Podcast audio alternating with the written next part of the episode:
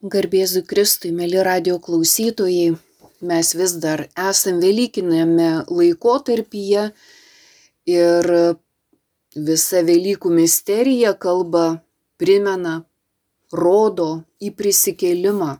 Ir prisikėlimas nėra kažkas, kas yra šalia mūsų, kas yra atsitikę Jėzui, kas yra kažkada atsitikę, bet prisikėlimas yra mūsų gyvenimo dalis. Dievas prisikelia tam, kad jis atgimtų mūsų gyvenime. Kitaip tariant, kad mus prikeltų. Ir žinoma, tai nebūtinai atsitinka pavasarį, tai gali atsitikti rudenį ir žiemą ir vasarą, bet mes minime šią šventę liturgiškai pavasarį, kai viskas atgimsta. Ir tas atgimimas, jis nėra, netgi kalbant apie gamtą, tai nėra kažkas kažkur, ar ne, kad vad dabar kažkur ten žydigėlis, kažkur ten paukščiai čiulba, kažkur ten pavasaris vyksta. Bet tai yra mūsų gyvenimo dalis. Tai vyksta mūsų gyvenime mes tai, ką mes matom ir gėlės, ir paukščiai, tai yra mūsų gyvenimo dalis. Ir labai svarbu pajust, kad prisikėlimas tai yra kažkas, ko mes visada labai laukiam. Prisikėlimas tai yra patvirtinimas, kad mes gyvenam ir kad mes gyvensim. Velykos tai yra toks mūsų prikėlimas, kai mes, kai Dievas mus tarsi kilsteli, kai Dievas jisai mus prikelia, ar ne, taip kaip mes ryte iš miego prisikeliam. Tai yra kažkoks pabudimas, tai yra atsikėlimas, tai yra kaž, kažko pradžia. Gyvenimą visada mes galim pradėti iš naujo. Ir ten, kur yra kapas, ten, ten ir yra prisikėlimas būtent toje vietoje. Ten, kur yra žiema, ten yra ir pavasaris. Taigi labai gražiai Lukas apie Velykas pasakoja ir jis kaip tik aprašo, kaip du mokiniai nusivylę, pavargę nuo gyvenimo, kaip mes sakytume, Nusigręžę nuo Jeruzalės, jie iškeliauja iš tos nusivylimo vietos, iš tos liūdėsio vietos, jie daugiau nieko nenori turėti su tuo bendra, bet eidamiesi jie kalbasi, ginčijasi, pikti, nepatenkinti. Ir tuo pačiu jie nori kažkaip suprasti, kaip čia viskas įvyko, kokia čia viso to reikšmė. Ir visai nelauktai, netikėtai į jų pokalbį įsikiša Jėzus. Ir, ir tas pokalbis visai kita linkme pakrypsta. Ir Lukas aprašo tų mokinių būseną, jie iš tikrųjų nėra akli, bet ten sakoma, kad jų akis buvo aptrauktos. Aptrauktos, nes jie nepažino Jėzaus. Jie Jėzui priekaištauja, e, kad jis, kad jis ne, nesupranta, kad, kad jis vienintelis, kuris čia nežino, kas čia atsitiko. Bet e, iš tiesų jie neturi tikros e, nuovokos. Ir šitoje vietoje kaip tik Jėzus jiems papriekaištauja, kad jie yra nerangių širdžių, Nerangi širdis tai yra va tokia tingi širdis, nepasijudinanti iš vietos, ne, nepriimanti naujų sprendimų. Jie nerangus, jie neleidžia pamatyti savo plačiau. Taigi Jėzus yra tas, kuris pradeda su jais kalbėtis ir galima sakyti, kad paveikia juos taip, kad išprovokuoja juos suprasti, naujai pajudėti iš tos vietos, prisikelti. Taigi jiems Jėzus tikrai buvo būtent tas, iš kurio jie tikėjosi kažko kiekvienas greičiausiai savaip įsivaizdavo, bet visos viltys, visos svajonės sužlugo ir Jėzus jiems kaip ir leidžia papasakot, papasakot viską, ką, ką jie patyrė, kaip jie supranta. Bet po to, priėmęs jų informaciją, jų būseną, jų jausmus, jiems atveria, atveria kitokį požiūrį į visus šitos dalykus. Jis išaiškina, kad visa taigi buvo parašyta raštuose. Reikėjo, kad jis kentėtų. Viso šito reikėtų, bet mokiniai nepatikliai klausė, vis tiek jiems atrodė, kad tiesa yra vat tokia, kaip jie supranta. Bet Jėzaus žodžiai vis dėlto palėtė jų širdis. Ir jie paprašė Jėzų pasilikti su jais.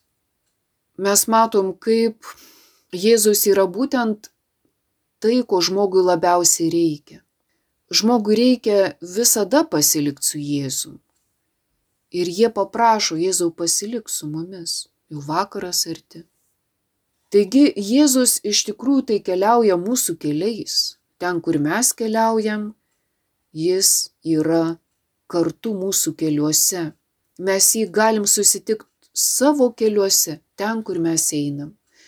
Mes galim su juo kalbėtis, mes jam galim pasakyti viską, kaip mes suprantam, kuo mes nusivylę, kai ateina vakaras, kai tamsu, kai baisu. Ir Jėzus neša prisikėlimą į tas širdis, kurios būna kartu su juo. Taigi sakoma, jis užsuko pas juos, kad pasiliktų su jais. Taigi Jėzus yra ne tas, kuris buvo, jis visada yra. Jis visada yra šalia mūsų. Jis visada yra mūsų keliuose, mūsų vakaruose, mūsų naktyse. Kai mes jo nesuprantam, mes galim jo paklausti. Ir argi neturėjo, kai Jėzus sako, to įvykti, argi neturėjo įvykti vat, vat to, kas, kas įvyko. Lygiai taip pat ir mes, ką mes jam pasakytume, kaip, kaip mūsų lūpose skambėtų žodžiai Jėzui. Mes tikėjomės, kad, kad mano gyvenimas pasiseks, kad aš ten būsiu labai stiprus savo darbais ar sulauksiu pasisekimo iš to, ką aš darysiu betgi viskas nubraukta, viskas žlunga, viskas ne taip, viskas beviltiška, nėra jokios prasmės. Ir ką Jėzus atsakytų, ar, argi tai ne, neturėjo atsitikti tam, kad, kad tu va šitą akimirką prisikeltum. Taip kaip Jobo istorijoje, Jobas irgi visko nusivylęs, ten labai daug didelių pokyčių, daug praradimų, Ir vis dėlto pačiam gale, kai Jobas nusprendžia kalbėti su Dievu, jisai atranda stebuklą, jis niekad nėra to anksčiau daręs. Kalbėti su Dievu. Jis tik tada jį pamato, kai pradeda kreiptis į Dievą, kai pradeda kalbėtis, jis pamato, kad Dievas yra su juo, tai, tai yra svarbiausia, kad Dievas yra su juo, kad jis gali kalbėti su Dievu, kad jis gali būti kartu su Dievu. Ir šia prasme prisikėlimas tada ir įvyksta, kai suprantam, kad Dievas nėra kažkur, Dievas yra mano gyvenimo dalis, jis yra su manim. Ir argi mesijas neturėjo viso to iškentėt, kad, kad įvyktų prisikėlimas? Argi neturėtų viso to mūsų gyvenime atsitikt, kad mes sulauktume tos akimirkos, kada suprantam, kad geriausias dalykas gyvenime, kuris gali mus ištikt, tai suvokimas, kad, kad tu esi su Dievu, Ar neturėjau aš viso to iškentėti, kad, kad prieičiau iki to susitikimo? Taigi mes į savo gyvenimus galim žvelgti labai iš dviejų skirtingų pusių. Ar ne, kai esam vieni, pasimetę, kai lūkesčiai žlugo, kai viskas ne taip, kaip mes įsivaizduojam, kai kitiems sekasi geriau negu mums, kai mes vylimės, tikėjomės, dėjom pastangas, viltis, svajojom ir viskas yra atvirkščiai. Vėjų vaikymasis. Bet lygiai šitoj pačioj situacijoje, jeigu tu esi su Dievu, tu gali matyti kardinaliai kitaip. Nes diev, Dievui nėra negalimų dalykų, jis viską gali perkeisti. O galbūt reikia, kad tai dabar vyktų mano, mano gyvenime, visi, visa šita patirtis, šitos situacijos. Bet vienaip mes juose esam, kai, kai, kai liūdna, kai esam vieniši, o visai kitaip mes juose esam, kada Dievas mus kilsteli, pakelia, pažadina, nuima tą miglą nuo akių ir viskas prasideda kaip iš naujo. Taigi matom, kad tie mauso mokiniai, problema buvo, kad jie iš pradžių nematė Jėzaus, ne, nepastebėjo, jis buvo, bet jie nematė. Labai panašiai, panaši situacija yra kur mes skaitom Evangelijoje apie Joną Krikštytoje, kur, kur jis sako, tarp jūsų stovi tas, kurio jūs nepažįstat. Aš nevertas atrišti jam kurpių dirželių. Tarp jūsų yra tas, kurio jūs nepažįstat. Ir dėl ko motina Teresė sakė, kad Jėzus yra va tas girtuoklis, prie kurio lenkiuos tas mirštantis žmogus, kuriam teikiu pagalbą, tas išsekęs, išbadėjęs, tas asocialus, tas, kuris mums galbūt labai nemielas, nepatinka, ne pagal mus, mes nepastebim Dievo jame, bet jis yra tarp mūsų, jis yra mažiausiuose.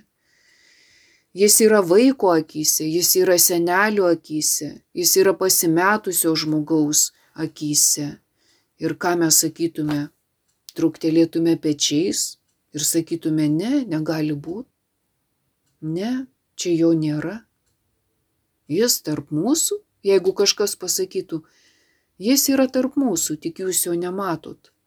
Ką mes galvotume, mhm, kaip įdomu, kuris čia dabar tas. Šitas vaikas? Ne, negali būti. Šitas Senis? Ne, ne, ne, ne. Šita moterėlė, kur gal čia tik bažnyčia šluoja, gėlės tvarko, o ne, ne, ne, ne. Tai kas tada čia galėtų būti? Nu nebent aš. Nebent aš. Nes niekas čia taip gerai neišmano už mane. Bet tai vėlgi kažkaip, nu, vis tiek gal ne, tai kas čia yra mesijas? Taigi mes iš, iš tikrųjų nepamatom mūsų kietos širdys, mūsų akis yra egoizmo tokios už, užbrinkintos, mes, mes ne, nematom Dievo šalia, mes jau tiesiog neįsileidžiam į savo gyvenimą. Ne, ne, jau tik ne, jau čia tik ne, ne per šitą žmogų, tik ne šitoj situacijoje, bet Dievas dažniausiai mums ir kalba per tos žmonės, kurie yra šalia ir jis kalba kasdien, tik mes jo negirdim, mes neklausom, numojam ranką. Ir apie Jėzų sakė, kad savo namuose pranašų nebūsi, tai dažniausiai į tuos, kurie artimiausi, e, numojam ranką. Bet, bet iš tikrųjų, maž, mažasis princas sako, aš tavyje karalių pažinau. Taigi galim sakyti, kad kad vat tas žmogus, kuris man atrodo nieko nereiškia, bet jeigu aš jame atpažįstu karalių, jeigu aš jame atpažįstu Dievą, tai yra labai panašiai kaip visa mišių liturgija. Mes turim ten atpažinti paprastam duonos gabalėlį Jėzų Kristų, duonos ir vyno pavydale. Jis būtent taip sutelkė apie save mus. Kaip sutelkė tuos dvylika aukštutiniam kambarį, jis paėmė duoną, pasakė tai mano kūnas ir visi valgė ir nebuvo ten nei vieno žioplio, nei vieno žiūrovo, nei vieno manančio, kas iš čia toks, ką iš čia daro. Ne, jie visi buvo dalyviai. Jie visi buvo, kaip sakoma, va, apgulė stalą ratu, ar ne? Jie, jie visi kartu buvo. Jėzus sako, tai mano kūnas, tai mano kraujas, dalinkite, dalinkitės, valgykit. Visi jie buvo dalyviai, visi jie tapo Kristumi, visi jie buvo Kristaus dvasios. Taigi tas, sakykime, mišių, visa mišių liturgija, mišių ritualas, jis kalba apie tą buvimą kartu, buvimą su. Mums labai svarbu, kad mes ateitume į mišes tam, kad dalyvautume, dalyvautume tame buvime Kristaus dvasioje. Jėzus sako, valgykit mano kūną ir gerkit mano kraują, kad turėtumėt gyvybę. Gyvybę mes turim būdami kartu su Jėzum. Taigi tas jo Velykinis mokinių lankymas ir buvimas kartu su jais mums turėtų primint, kad ir, ir toliau taip mes turim gyventi, ir toliau mes turėtume būti kartu su Jėzumi ir toliau mes būtume, turėtume būti tie, kurie kitame mato Dievą. Paprastai mes vieni su kitais ten ginčijamės ir įrodinėjam maždaug tokiais žodžiais - tylėk, aš sakau tiesą, aš žinau, tu, tu ką nors čia išmanai. Kitas, tai ką, galvoju, kad tu čia sakai tiesą. Ne, Bet jeigu mes pažaistume atvirkščią žaidimą ir sakytume, aš sakau tiesą, ne, greičiausiai tu sakai tiesą. Kitas sakytų, aš, nu jau, gal ir ne, gal tikrai tu esi teisus. Taigi matom, kur prasideda meilė. Ar tada, kai mes susiraukę ten savo prote turim tokią tiesą, kad gal Dievas yra, gal Jėzus Kristus prisikėlė, bet nei aš jam trukdau, nei jis man trukdo. Vietoj to, kad aš prisikelčiau, pamatydamas Jėzų kartu mano kelyje, sakydamas Jėzau, čia tu, čia tu esi šitame vaike, čia tu esi šitam silpnam žmoguje, galbūt šitam išvargusiam, piktam, sergančiam. Jis yra kartu su mumis, tai reiškia, jis yra visada tarp manęs ir kito. Jis visada yra kiekviena mano santykiai, kai aš esu su kitu. Taigi prisikėlimo istorija nėra, kur mes pasakojam, kur kažkada kažkas buvo, kažkas, kažkada kažkas įvyko, ir pasibaigė ne. Mes pasakojam tokią istoriją, kur gyvenimas, mano gyvenimas prisikelia, kur mano gyvenimas prasideda iš naujo, jis įgyja naują prasme ir mes net į savo gyvenimą pradedam žiūrėti visai kitom akim, kur niekas nėra sužlugę, niekas nėra beviltiška. Viskas gali įgyti prasme jeigu aš esu su Jėzumi. Nes jis viską gali, jis gali viską pakeisti.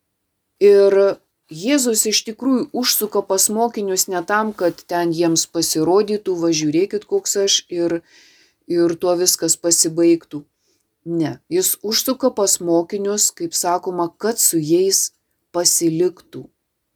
Taigi, kai mes švenčiam Eucharistiją ir ten susitinkam su prisikėlusiu Jėzumi, tai tam, kad mes išėję namo iš tos Eucharistijos ir toliau kelyje būtume su juo, savo gyvenimo kelyje. Tai nėra kažkas, kas ateinam į mišes, pasižiūrim į visą tą spektaklį ir išeinam. Ne, mes turim tapti dalyviais prisikėlimo dalyviais. Mišiuose mes suprantam apie savo gyvenimą. Mišiuose mūsų gyvenimas yra perkeičiamas, jis taip pat yra aukojamas ant to altoriaus ir mes ten valgom Kristaus kūną ir geriam jo kraują, kad būtume perkeisti. Jis pasilieka ant altoriaus tam, kad su mumis liktų visada, kad mes taptume jo dvasios. Nes kai jis buvo su mokiniais, rami, e, linkėjo jiems ramybės. Ir mes žinom, kai Jėzus kitoje vietoje sako, kad aš jums duosiu ramybės ne tokios, kokią duoda pasaulis. Mes žinom, kad būdami pasaulyje ar kai pasaulis reklamuoja savo uh, ramybės uh, receptus, tai ta ramybė baigėsi dar neprasidėjus arba tiesiog ten būna apgaulė. Bet tada, kai mes prisikeliam ir kaip mes suprantam, kad Jėzus yra mano gyvenime, tai ta ramybė neturi pabaigos.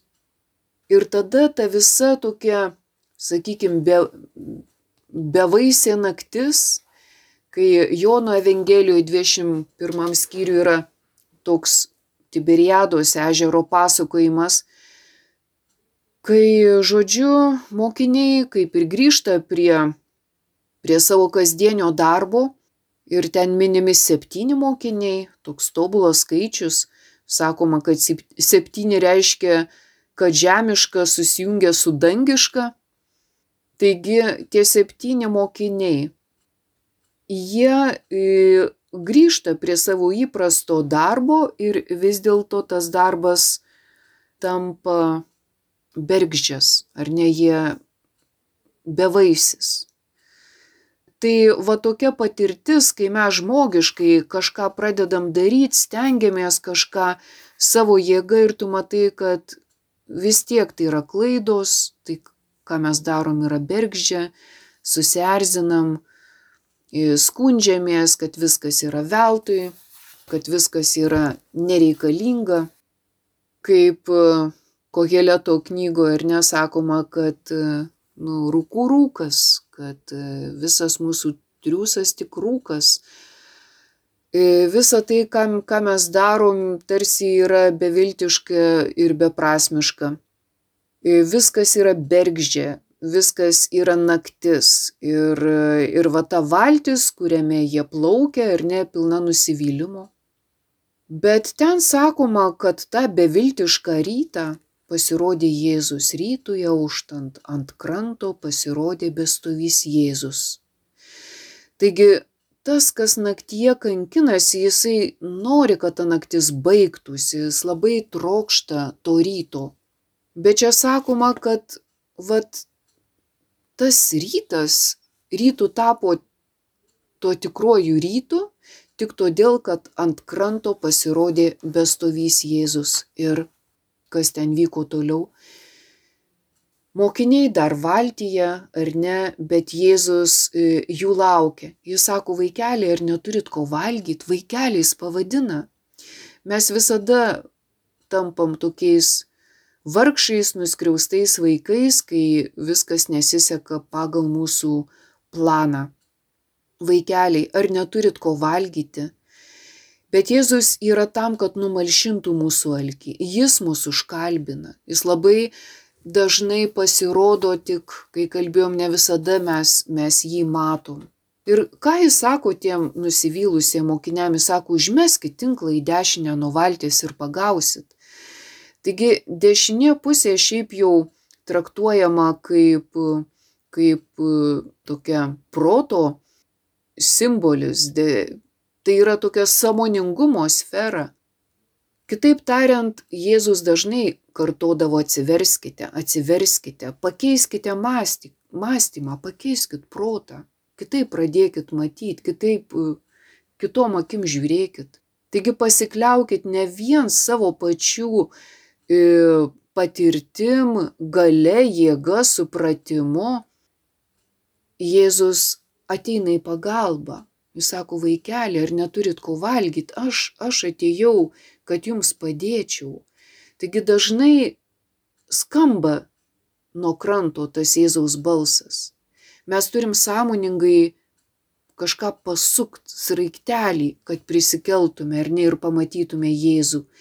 Mes turim pasižiūrėti kitokiom akim į tą situaciją. Tai mes labai dažnai taip nesąmoningai, beviltiškai gyvenam, bet Jėzus sako, užmes tinklą į dešinę. Kitaip pažiūrėk. Ir va tas e, kitaip pažiūrėjimas yra panašiai kaip mokinys sako Petrui, juk tai viešpats. Va tas kitaip tai, ir- tai ir yra mes ne vieni. Juk tai viešpats. Tai viešpats stovi ant kranto ir kalba su mumis.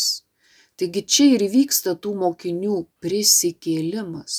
Tada, kai jie ištarė žodžius, juk tai viešpats.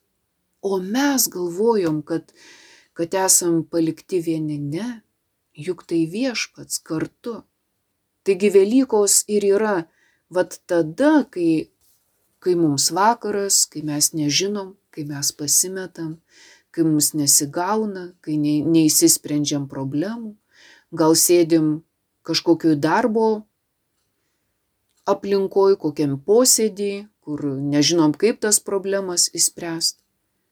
Ir va tada, jeigu ateitų į galvą juk tai viešpats, dinktų visa ta migla, tas bergždumas, mes atsivertų mums akys, nereikėtų mums viską padaryti patiems, būnant akliems.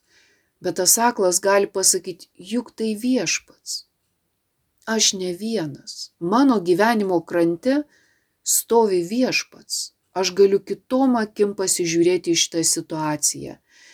Ir Jėzus gydė aklumą, kurtumą, Jėzus gali išgy, išgydyti ir mano tą susiskaldimą, tą mano gyvenimo beviltiškumą, tą bergždumą, liūdėsi, išgastį.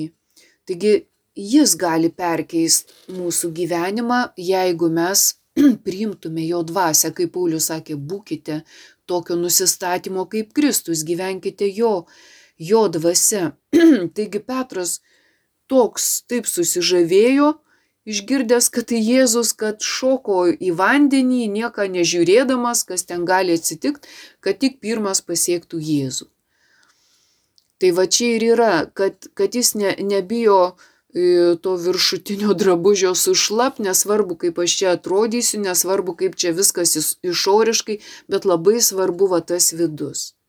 Kokia yra mano vidinė intencija. Ar aš savo pasakau nesvarbu, kokia šita situacija, bet tai viešpats, aš nesu vienas.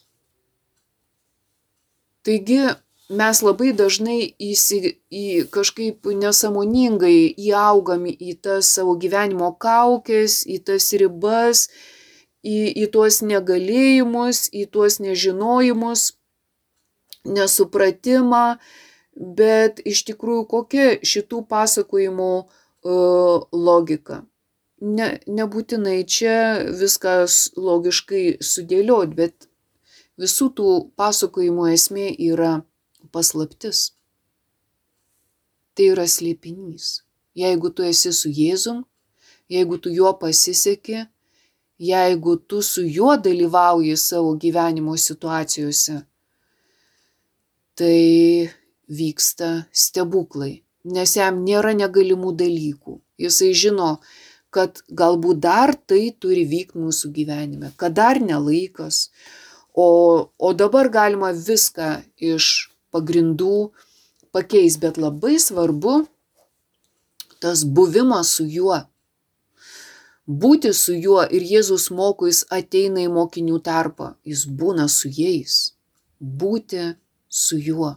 E, Taip kaip e, Žanas Vanie sakė būtent apie tuos silpnuosius, kaip mes pasakytume, galbūt net psichinius ligonius, įvairiai žmonės e, e, pavadina neįgaliuosius, kurie, kurie yra taip pat tik žmonės, kitokie žmonės, bet mes juos atskiriam.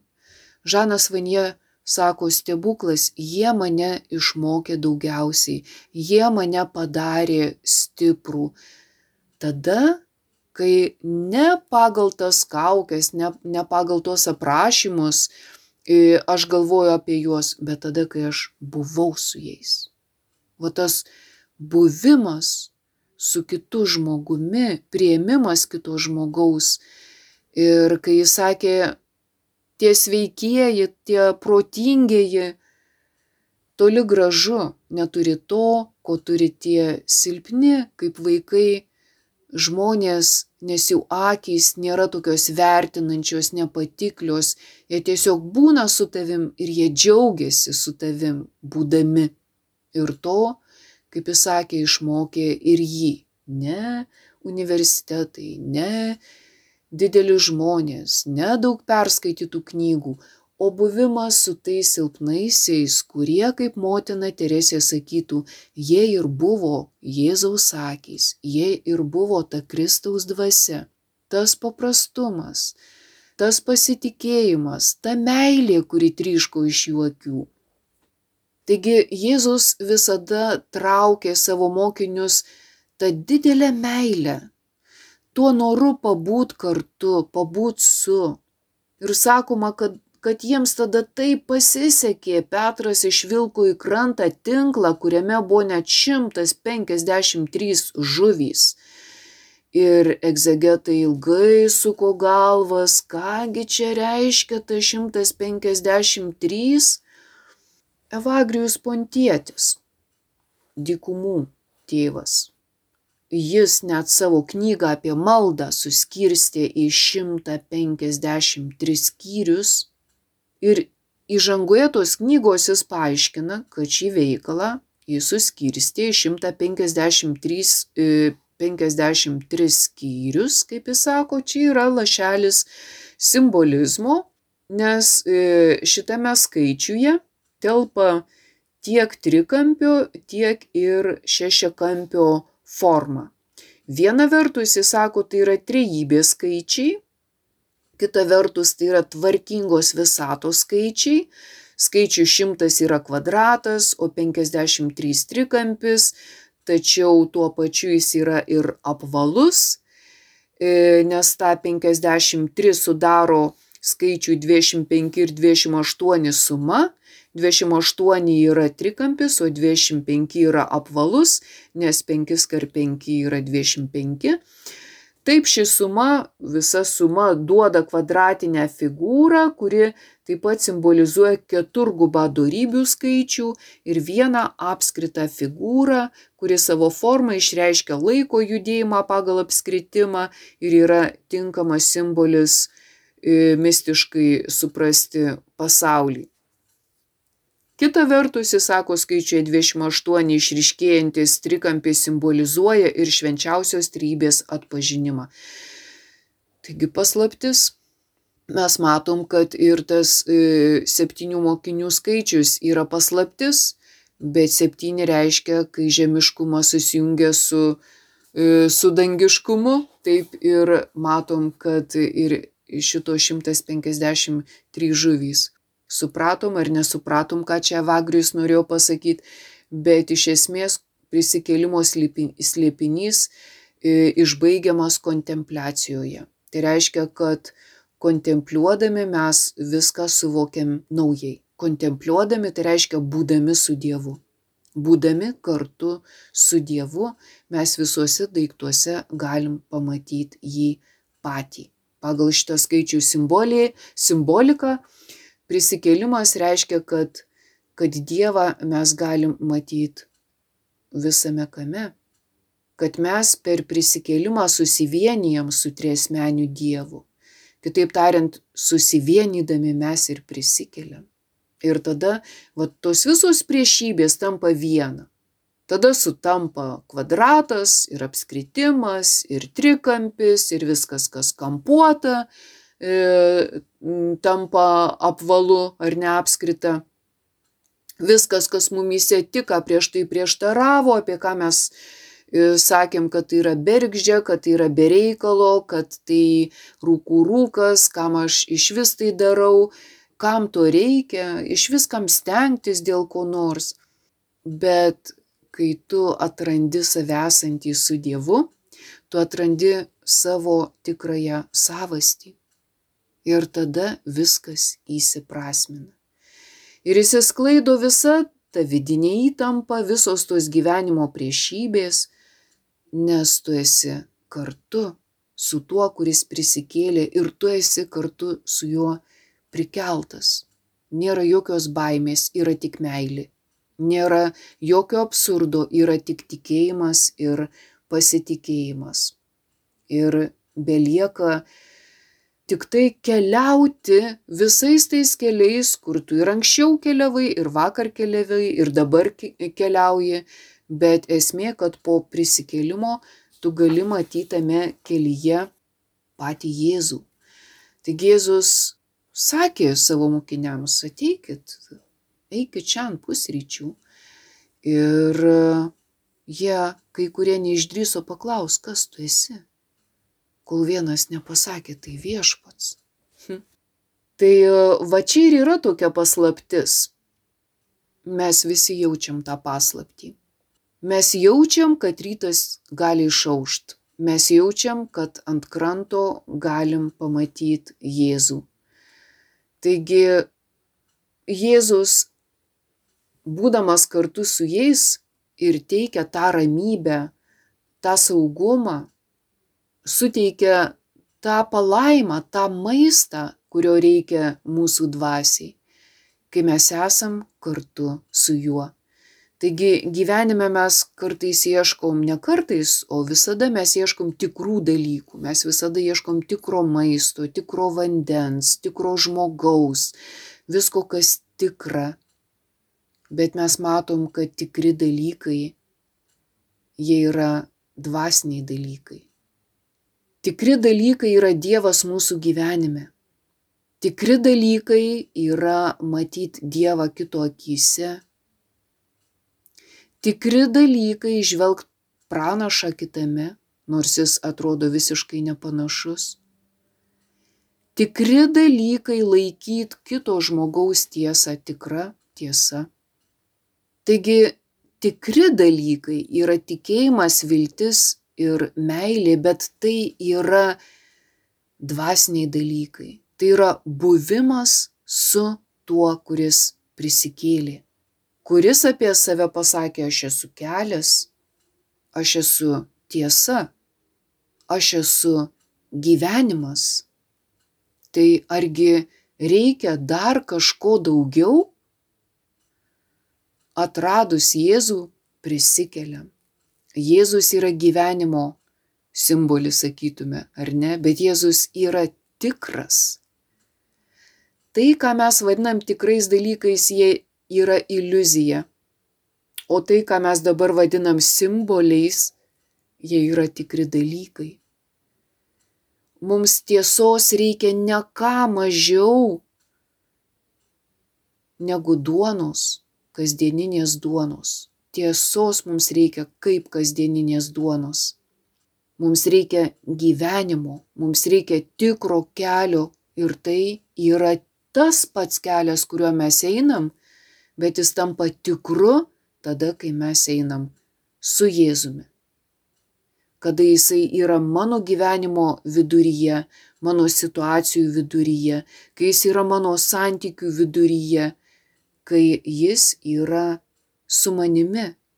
Jis visada prikels mane iš bet kokio beviltiškumo, pasimetimo, baimių, nerimo, nes visi šitie dalykai yra tada, kai liekam vieni kai liekam tik su savim. Taigi šveskime Velykas, tą prisikėlimo šventę ir atraskim Jėzų tarp mūsų, taip kaip tas mokinys Petrui sakė, tai viešpats.